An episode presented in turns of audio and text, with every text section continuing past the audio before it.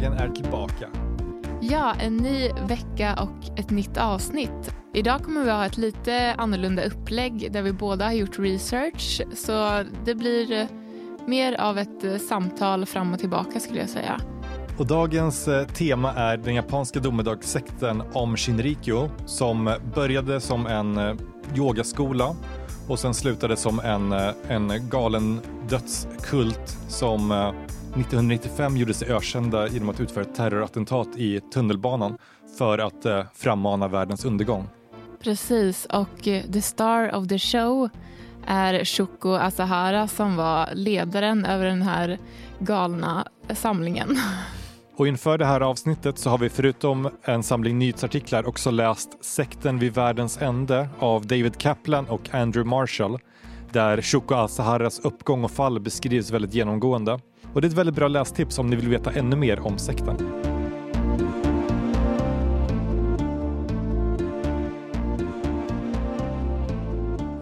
Den ökände sektledarens liv börjar i en liten japansk by där han föddes under namnet Shizu Matsumoto.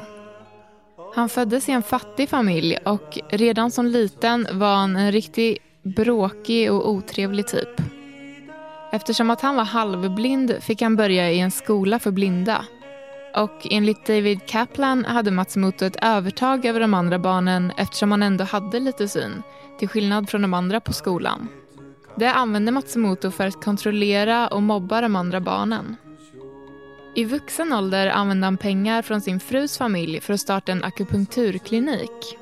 Där försökte han svindla sina kunder att köpa hans dyra mirakelmediciner som sades kunna bota alla möjliga åkommor. Han går vidare till att starta en yogastudio. Och kundkretsen blir större och större och han får in mer och mer pengar. Och genom reklam och en charmig personlighet växer följarskarorna för varje dag som går. Aum, som Matsumotos företag hette, arbetade flitigt med marknadsföring. De satte in annonser i flera stora tidningar och eh, specifikt i en tidning som handlade om science fiction och det övernaturliga. Annonsen visar en bild där Matsumoto svävar och självklart kan han inte flyga men bilden är tagen när han liksom skuttar uppåt i skräddarställning med hjälp av sina rumpmuskler. Och man lovar alltså att andra ska kunna lära sig att flyga och se genom väggar och andra typer av övernaturliga saker. Med tiden övertygar Matsumoto sig själv och sina följare att han är utvald och hans uppdrag är att frälsa världen. Han kallar sig guru och byter namn till Shoko Asahara.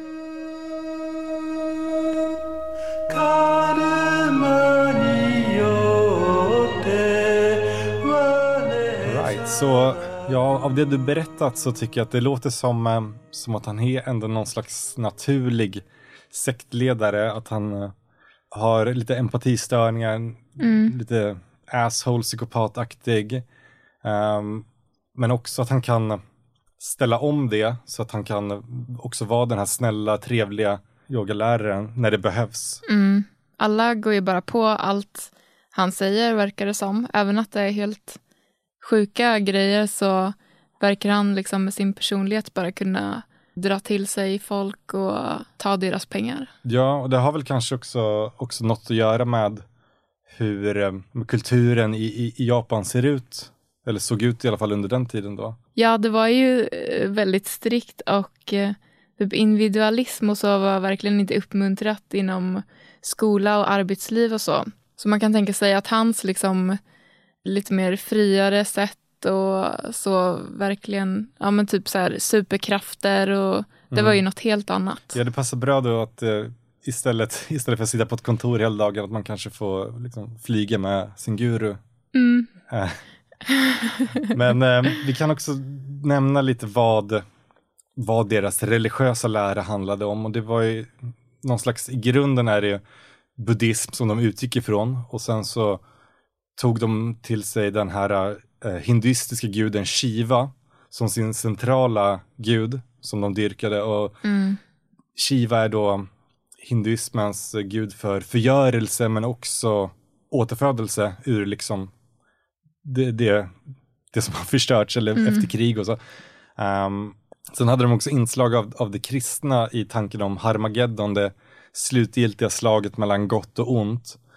Och också så kom eh, Asahar att utnämna sig själv till Jesus lite senare också. Mm, en till Jesus? Ja, så han de, var ju... de tog lite av typ, de bästa delarna. De tog det som passade liksom, så att han, han kunde bli både Messias och eh, samtidigt eh, lära upp om, om, världens undergång och sånt. Och det var väl någonting också som kanske lockade följare.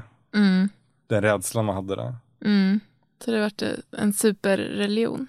Ja, men precis. Godbitarna av alltihopa som passade exakt hans ändamål också.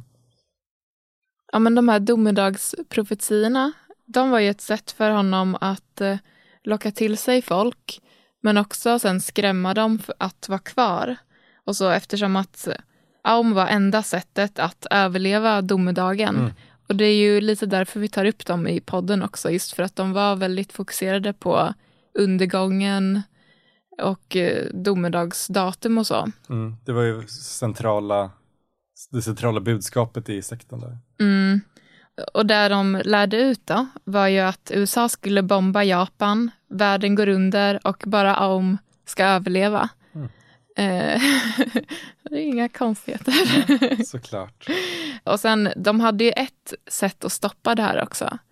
Och det var ju om det fanns AUM-medlemmar i varje land i hela världen. Så, så det var ju en liten motivation att liksom sprida budskapet och rekrytera medlemmar. Och... Mm, exakt.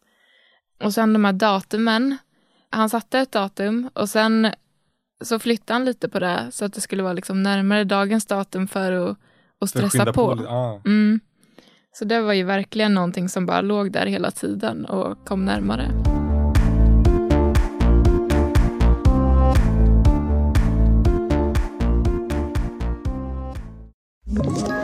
Ett poddtips från Podplay.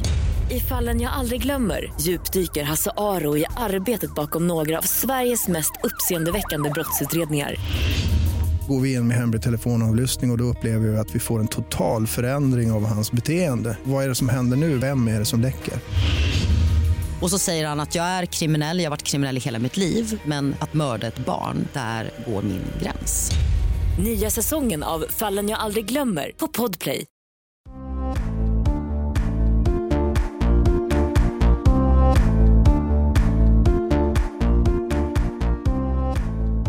Oskar, du har ju grävt ner dig lite mer i hur livet i sekten såg ut. Ja, och eh, jag kanske ska börja lite med bakgrund till hur sektens struktur såg ut.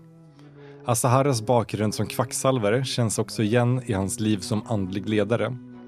Alla lektioner, alla musikband och skrifter kostade pengar och alla frivilliga donationer uppmuntrades. Man kunde också få köpa hans gamla badvatten som man kunde dricka eller skäggstrån som skulle vara heliga eller ha en magisk kraft. Så till slut hade sekten tillräckligt med pengar för att öppna ett stort AM-center. Så vid berget Fuji byggdes deras läger. Och om man ville bo där tillsammans med gurun och bli präst så fanns det några enkla krav. Skänk alla dina tillgångar till sekten och bryt kontakten med ditt gamla liv.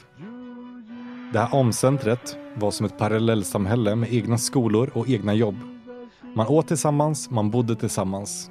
Ingen fick betalt för sitt arbete, eller man fick betalt, men det var då i andlig upplysning. Allt man gör som är bra för Aum hjälper ens egen andliga resa. De hade ett eget slags rättssystem också. De som bröt mot några regler kunde till exempel låsas in i en liten cell där det bara fanns en toalett och en TV med Asahares predikningar på högsta volym 24 timmar om dygnet.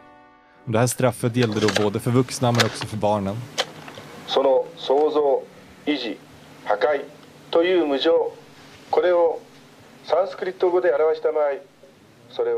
Ju längre Asahara sjönk ner i sin egen galenskap desto knäppare kunde straffen bli. Till exempel så förbjöd han sex för alla utom sig själv och de han själv ville ligga med. En som bröt mot regeln kunde hängas upp och ner i fötterna. Några andra förnedrades med att ha hundhalsband och få gå runt på alla fyra. Och det går kanske inte att säga exakt varför man sökte sig till AM. Varje medlem hade säkert sina egna anledningar. Men det vi vet säkert är att sekten aktivt försökte rekrytera begåvade vetenskapsmän.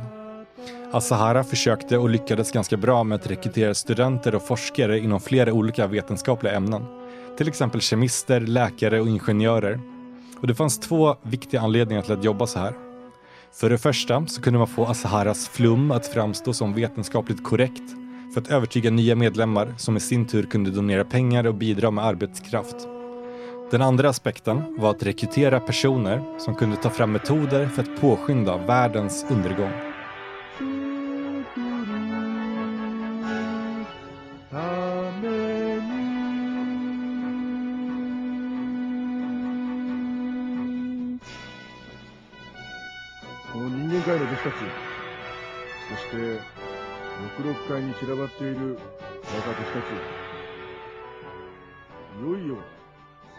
De hade ju ändå eh, ganska så kreativa sätt att tjäna pengar på, jo. tänker jag. Typ så här att eh, Azaras skäggstrån var till försäljning och ja. hans sperma och badvatten.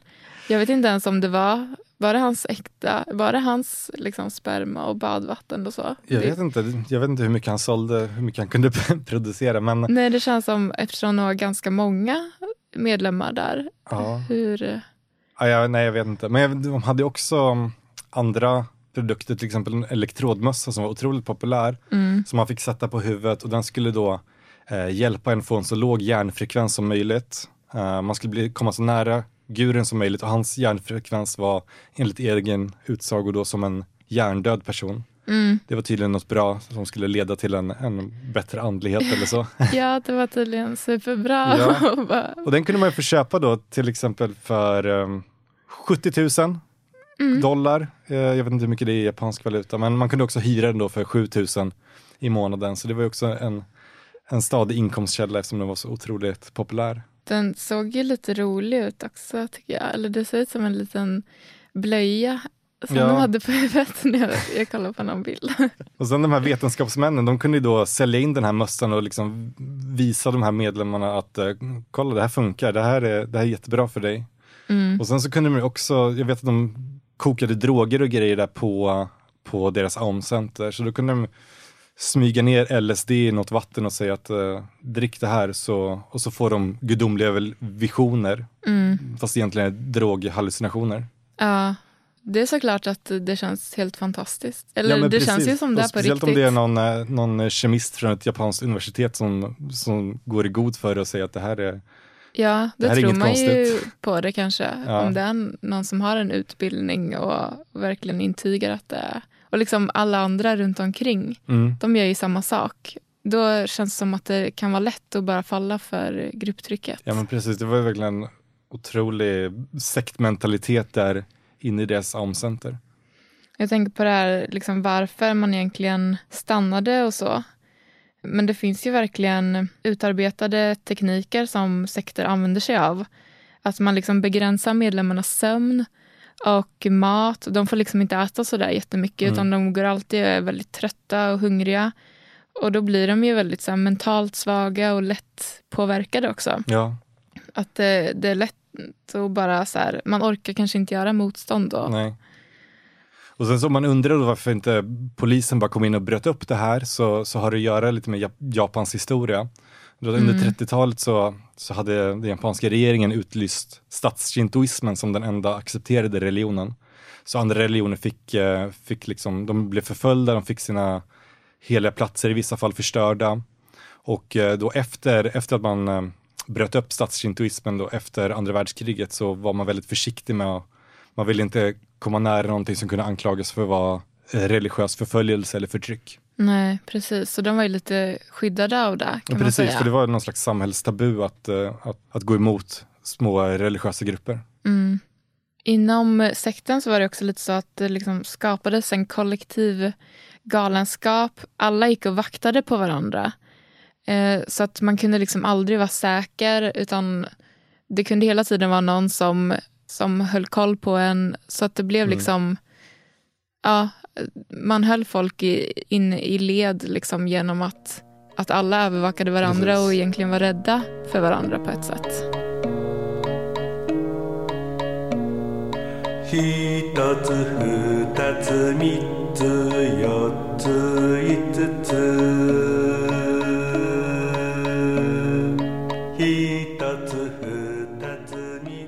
Så jag tänkte att vi kan gå in lite på vad som händer när sekten mötte motstånd från utsidan och gick från att vara en samling knäppisar till att bli hänsynslösa mördare.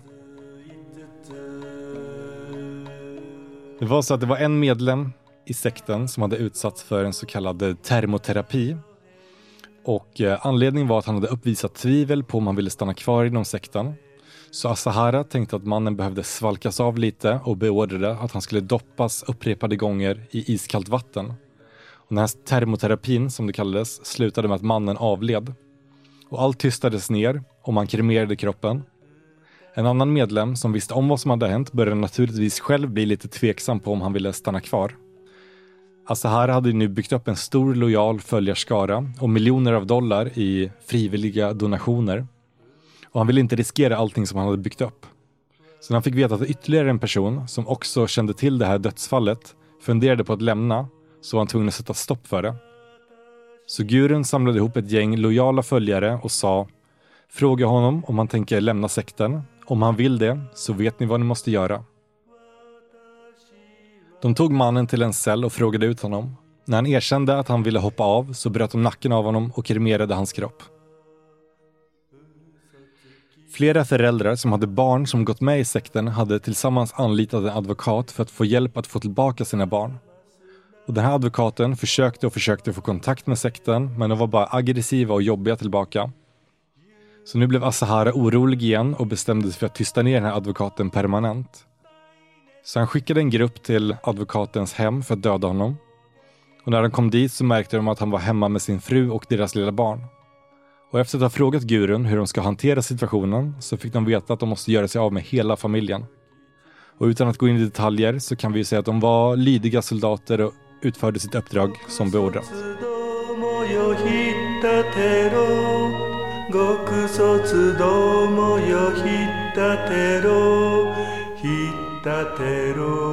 De börjar bli ganska våldsamma nu, mm. känner jag.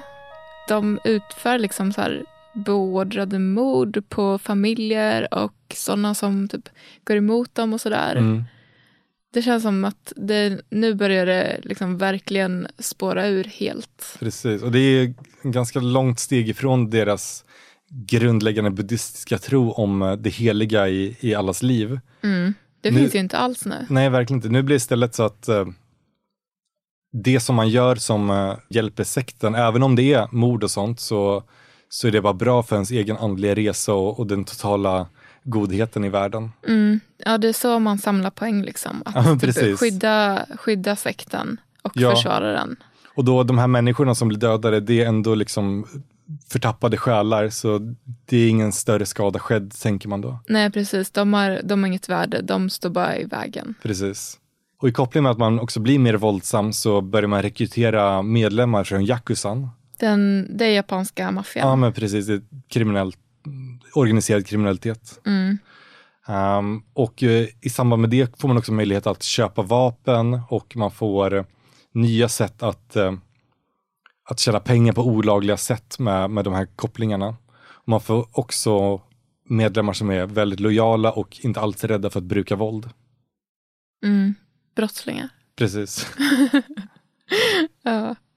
De hade ju ett ganska smart sätt att få till sig de här människorna. Eller liksom, de, de siktade in sig lite på att få unga vackra kvinnor till till sin, eh, jag tänkte säga organisation, men mm. för nu känns det som att det är en brottslig organisation. Ja. Men till sin sekt. För då kunde de använda dem lite som lockbete typ. Att de stod och sålde in sekten och då blir det liksom att man möts av ett så väldigt trevligt yttre som verkligen så här, ja, men det här ser ju härligt ut. Så jag går snygga med. tjejer i tunnelbanan och delar ut flygblad. Så, vad är det här för spännande? Ja, precis. Då hovar de in folk. Ja. Och sen så har de de här våldsamma brottslingarna som om man då kommer på att oj, jag vill kanske inte vara med i det här. Det kanske inte var så trevligt som det verkade först. Då har man liksom inte en chans att lämna för att då nej, dör man. Liksom. Precis, det är en hotfull stämning där inne. Mm. Då har de de våldsamma brottslingarna som, eh, ja. som sköter den biten. och sen som sagt, de hade också sina vetenskapsmän som var där för att, ja, som slutmål ta fram de här vapnen som kan påskynda domedagen och uppfylla Asaharas profetia. Mm.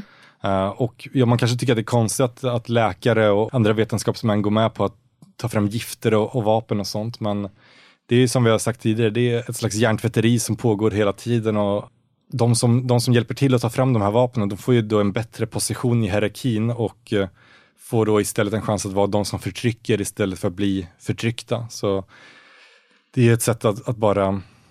Att få en bättre plats i, i ja, sekten. Precis. Då kanske man inte riktigt tänker på konsekvenserna av det, utan man Nej. gör det man blir tillsagd helt enkelt. Precis, och sen så samtidigt så blir man hela tiden matad med budskapet att uh, det man gör kommer bli, det kommer leda till en, en bättre värld. Men ja, apropå de här vetenskapsmännen och deras domedagsvapen, nu kommer vi in på din fantastiska lista, Emily. Nu är det dags för topp fem om Shinrikos dödsvapen som inte funkade. Är du redo? Jag är redo. Bra. På plats ett har vi laserkanonen. Det här skulle bli ett superspejsat vapen som man skulle använda för att bland annat kunna dela polishuset mitt i tu men något så kraftfullt lyckades de inte skapa trots storslagna drömmar. Jordbävningsmaskinen. Inspirerade av en jordbävning i Kobe försökte sektens forskare skapa en maskin som skulle utlösa jordskalv mot sina offer. Vi vet inget mer om den än att det hittills inte finns några rapporterade jordbävningar som skapats av sekten. Mikrovågsugnen de försökte forska fram hur man kunde använda sig av mikrovågor som vapen, men lyckades inte. De kunde däremot använda en stor industriell mikrovågsugn till att bränna lik och förvandla fienderna till aska. Så helt värdelöst var ju inte vapnet ändå. Elektromagnetisk kanon. En kanon som kunde skjuta projektiler med hjälp av elektromagnetisk kraft. De lyckades konstruera en två meter lång kanon som bara kunde flyttas med hjälp av en gaffeltruck. Den var stark nog att döda en människa, men långt ifrån att slå hål på pansarvagnar som man hade hoppats på. Kärnvapen. Tanken var god, men de lyckades aldrig få till det med kärnvapen. Annars hade det varit det perfekta sättet för att påskynda domedagen. Ett gäng AU-medlemmar stoppades i Australien fullastade med grävutrustning för att borra efter uran. Så där dog den drömmen.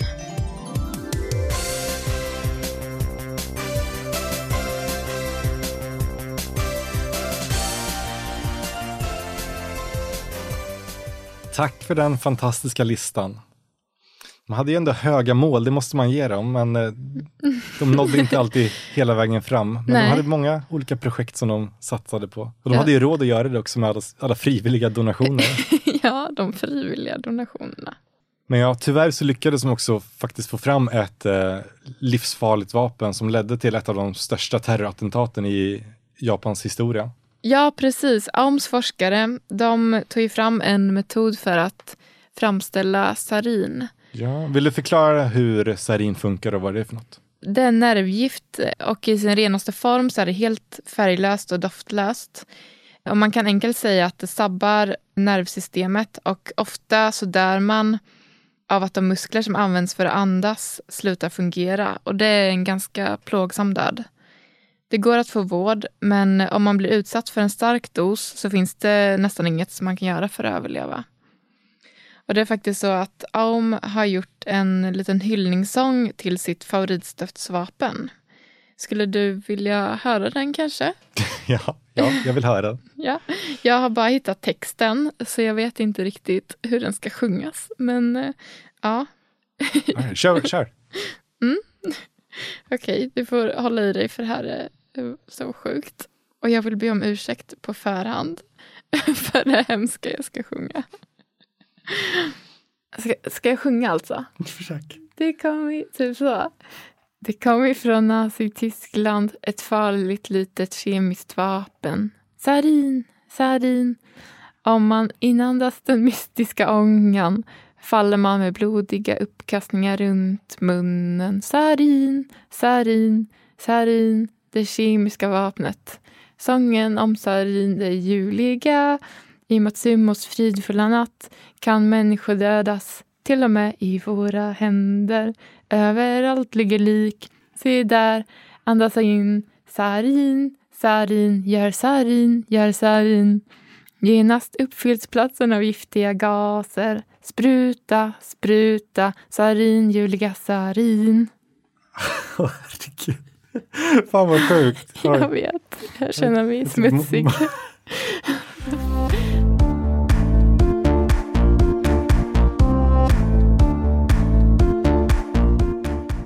nu efter din sång kanske vi kan passa på att eh, ta upp just deras första sarin-attack.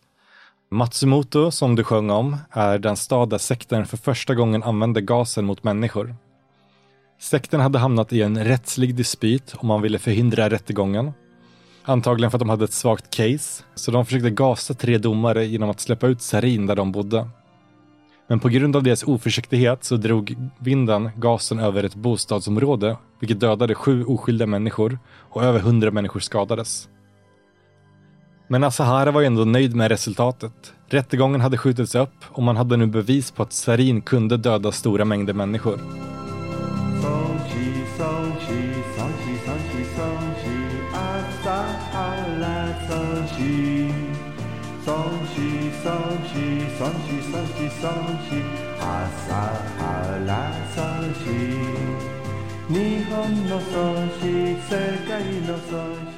Aum fortsätter sin framfart med kidnappningar, utpressning och mord.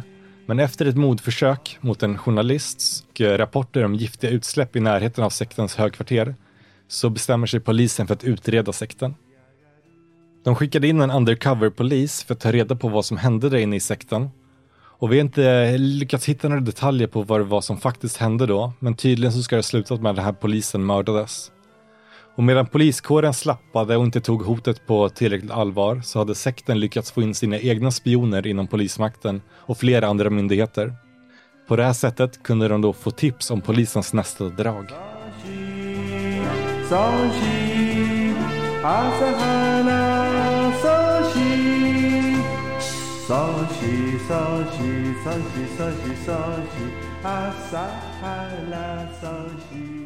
Okej, okay, men då har vi kommit fram till det terrordåd som sekten idag är mest ihågkomna för. Polisen startade i början av 1995 en stor utredning mot Aum Shinrikyo, vilket sekten självklart fick reda på tack vare sina informatörer. De bestämde sig för att sätta stopp för utredningen och planen den såg ut så här. Sekten skulle slå till samtidigt mot fem tunnelbanetåg Valet av tåg baserades på att samtliga var på väg mot Kasumigaseki-stationen där huvudkvarteret för Tokyos polis ligger. Man skulle släppa ut sarin under morgonens rusningstrafik då antagligen många poliser och tjänstemän skulle vara på väg mot jobbet. Målet var att döda så många poliser som möjligt för att stoppa utredningen mot sekten men också kunna skylla attacken på USA och därmed uppfylla profetian om anfallet som inleder det tredje världskriget. De vill alltså få igång ett bråk mellan USA och Japan samtidigt som de riktade polisens uppmärksamhet bort från sig själva. Den 20 mars var dagen för det stora attentatet. Fem högt stående sektmedlemmar kliver på fem olika tåg i Tokyos tunnelbana. De har alla med sig två till tre paket med flytande sarin som är inpackade i plastpåsar och omlindade av tidningspapper. Sektmedlemmarna sätter sig på tågen som börjar röra sig mot Kasumigaseki. Efter ett par stationer på en bestämd tid placeras paketen ut på tunnelbanevagnarnas golv. Med hjälp av varsitt paraply med spetsiga ändar så sticker sektmedlemmarna hål på paketen. Sedan skyndar de av tågen och mot varsin flyktbil. Sarinvätskan blir till gas och börjar sippra ut bland tågresenärer och på tunnelbanestationen längs vägen. Människor börjar sakta märka att något inte står rätt till. En efter en faller ihop och snart utbryter kaos. Till slut lyckas man evakuera tunnelbanan och få iväg människor till sjukhus. 13 personer dog och tusentals skadades. Vissa fick skador för livet medan andra återhämtade sig.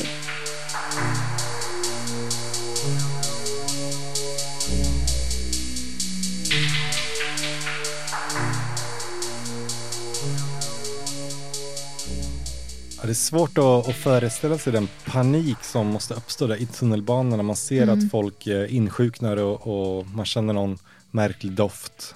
Ja, för de vet ju inte vad som händer. De, alltså det är ingenting som syns eller hörs eller någonting utan det är bara så här plötsligt så bara så börjar människor falla ihop. Ja, och eh, jag tänker även om det är så att vissa människor klarade sig utan fysiska skador så man måste ändå få en mentala ärr som kanske håller i sig hela livet. Mm. Bara för att vara i en sån situation. Typ kanske inte vilja åka tunnelbana igen Nej. och sådana saker. Alltid vara var lite rädd på vad som kan hända. Och jag tänker det måste ju vara speciellt i, i Japan eller Tokyo som, som inte är så van vid brottslighet eller så måste det komma som en väldig chock att det kommer en terror en terrorattack mitt i huvudstaden i tunnelbanan där. Ja, det är ju, alltså, det är ju väldigt låg brottslighet där. Ja, jag kollade på en uh, undersökning, eller en mätning som Brå hade gjort och det var en jämförelse mellan olika länder år 97. Mm. Och då om man jämför Sverige med Japan då så hade Sverige 772 anmälda våldsbrott per 100 000 invånare. Japans siffra låg på 32 per 100 000 så det är ganska ganska låga brottssiffror där i Japan då, i alla fall under den tiden. Mm. Jag tänker att i Sverige är det ganska lågt också, men i Japan så är det liksom, ja, ja. det är inte mycket brott där. Nej. Men en sak som var positiv i liksom all, allt det här kaoset var ju att eh, sarinet, det blev inte riktigt så bra som det skulle bli. Asahara han var väldigt stressad mm. och stressade på forskarna som skulle ta fram sarinet. Så att det blev inte liksom ett perfekt resultat. Det var, sarinet vart inte så rent som det skulle ha blivit. Och istället för liksom 13 som dog nu så kunde det varit liksom tusentals som dött ifall, ja. ifall det blivit så som det skulle bli. Ja, så vi får på något sätt ändå vara tacksamma för deras inkompetens där. Ja, det var ändå lite tur liksom, i oturen på något sätt. Ja. I samband med attacken, eller ja, efter det, så började sekten undanröja bevis på sin bas i Fiji. Mm. Så de tog bort allting som kunde visa att, att de har framställt sarinet där? Mm, precis, så inget skulle kunna leda till att det var de som mm. hade gjort det. Då. Eh, och flera medlemmar, inklusive Asahara, gurun, då, eh, gick under jord och gömde sig. Asahara hade ju tänkt att attacken skulle vilseleda polisen och ge sekten utrymme att omgruppera i lugn och ro.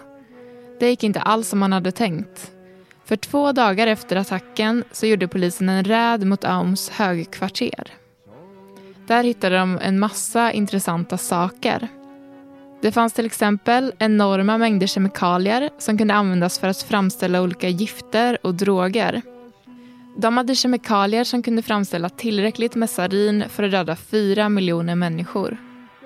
Man hittade också fängelseceller med torterade fångar. Det var sektmedlemmar som misskött sig, men också sådana som stått emot Aum eller bevittnat deras brott. Polisen hittade nästan 8 miljoner dollar i kontanter och 10 kilo guld. Det fanns också en helikopter byggd för militärtransporter. Man misstänkte sekten för ett tjugotal mord men hittade inga kroppar. Antagligen hade de gömts väl utanför basen eller undanröjts med hjälp av den där mikrovågsugnen. Under den närmsta månaden greps nyckelmedlemmar på flykt och misstankarna om Aums roll i tunnelbaneattacken blev starkare och starkare. Sektens vetenskapsminister blev knivhuggen till döds live på tv av en smågangster. Man vet inte motivet, men det har spekulerats i att någon ville att han skulle tystas innan ett polisförhör. Ett par hängivna medlemmar lyckades fly och de lät ingen tid gå till spillo utan försökte sig direkt på nya gasattacker men blev upptäckta. Asahara var fortfarande på fri fot men det visade sig att han hela tiden sedan attacken mot tunnelbanan befunnit sig på basen Polisen hade vetat detta länge men väntat med tillslag tills tillräckligt med bevis samlats in. Asahara gömde sig i ett litet hemligt rum och där satt han och mediterade tills de hittade honom.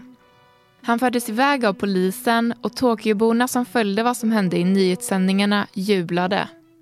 Japan hade nu fått ett ansikte på mannen som låg bakom massmordet i tunnelbanan.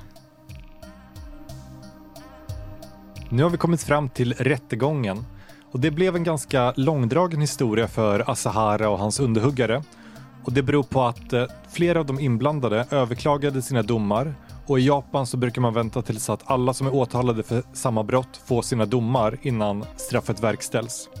Något annat som kan vara intressant att ta upp är att i vanliga fall när man överklagar en dödsdom i Japan och försöker få ett mildare straff så brukar det accepteras. Men i just det här fallet så var det ingen av de dödsdömda som fick det beviljat. Så för Asahara tog det sju år av rättegång för att få sin dödsdom. Men det drog ut på tiden ytterligare 12 år just för att alla andra inblandade var tvungna att få sina domar innan man kunde verkställa straffet. Så till slut efter många år av väntan hängdes Shoko Asahara i juli 2018 tillsammans med sex andra sektmedlemmar som haft viktiga roller inom Aum. Senare samma månad hängdes ytterligare sex personer som varit inblandade i gasattacken eller sektens övriga mord. Och det kanske låter konstigt med tanke på allt som hände, men sekten finns fortfarande kvar idag. Men de har döpt om sig till Alep. Och på sin hemsida så tar de avstånd från gasattacken och de andra attentaten, men säger att de har tagit fasta på Aums yoga och meditation och den buddhistiska läran. Och polisen i Japan har inte längre samma överseende med religiösa organisationer utan Japan har påverkats av attentatet. Alep hålls under hård bevakning trots sin nya fredligare inriktning.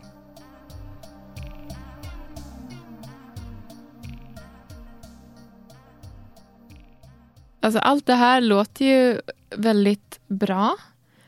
Jag är lite förvånad typ att Alep finns. Eller jag ja. tänkte liksom att eh, det här måste väl ändå vara liksom dödsstöten för, för någon slags religiös eh, eh sammanslutning. Sammanslutning. ja, men de kunde väl omorganisera under ett nytt namn och, och fortsätta lite med den, den befintliga strukturen där. Ja. Uh, sen vet jag inte exakt hur, hur det ser ut idag med olika bestraffningar och försäljning av kroppsvätskor. Nej, alltså på deras, på Aleps hemsida, då säger de ju att de är liksom, de tar helt avstånd från allt våld och så. Men eh, alltså jag tänker bara varför vill de ens, varför startar de inte något nytt som inte ens hör ihop med ja, det? Jag vet inte riktigt. Men så för att sammanfatta lite. Genom att utnyttja tidens fascination av andlighet och övernaturligt i kombination med en viss personlig tomhet som stora delar av Japans unga kände, så kunde Asahara skapa en fredlig och flummig organisation som med löften om frälsning och gemenskap gav honom en eh, messiasroll i vilken han kunde ge sina fascistiska drömmar ett sken av godhet.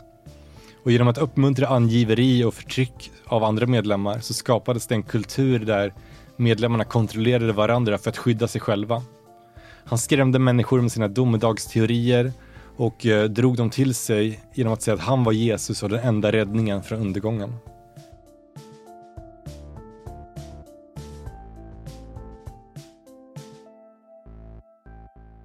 Så för att det här inte ska upprepas igen så har jag tagit fram eh, några punkter på hur man kan undvika galna manipulativa sektledare. Spännande. Ja, jag har fyra punkter så jag tänker vi börjar direkt på nummer ett. Ja, nu har du en chans att rädda världen. Jag hoppas det. Vi får se. Mm. Nummer ett. Om någonting låter för bra för att vara sant, som till exempel att du kommer få lära dig flyga och läsa tankar, då kan man antagligen ana ugglor i mossen. Nummer två. Om någon kräver att du ska frivilligt donera allt du äger och har och bryta kontakten med din familj, då har den här personen kanske andra motiv än att bara vilja hjälpa dig. Nummer tre. Håll dig bara väldigt långt bort från oklara män i lila morgonrock som tycker att det är en god idé att du ska dricka badvatten och sperma. och sista punkten nummer fyra. Om du ska gå med i en klubb för att rädda världen, var då lite snäll mot alla andra och avstå från att hota och mörda. Snälla, avstå ifrån det. men den tycker jag ändå är viktig att ha med. Ja, men det, det är inte självklart. Okej, okay, men ja, nu får vi hoppas att det här hjälper till att ge oss en lite tryggare framtid här nu. Ja, Det känns, det känns tryggare tycker jag. Perfekt.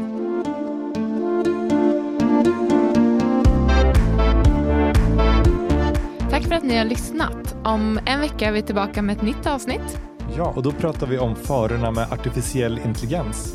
Precis. Det kommer bli väldigt spännande tror jag. Ja, då säger vi så. Tack och hej. Hej! Ett poddtips från Podplay. I podden Något Kaiko garanterar östgötarna Brutti och jag, Davva, dig en stor dos skratt. Där följer jag pladask för köttätandet igen. Man är lite som en jävla vampyr. Man har fått lite blodsmak och då måste man ha mer. Udda spaningar, fängslande anekdoter och en och annan arg rant. Jag måste ha mitt kaffe på morgonen för annars är jag ingen trevlig människa. Då är du ingen trevlig människa, punkt. Något Kaiko, hör du på Podplay. Därför är gardinerna.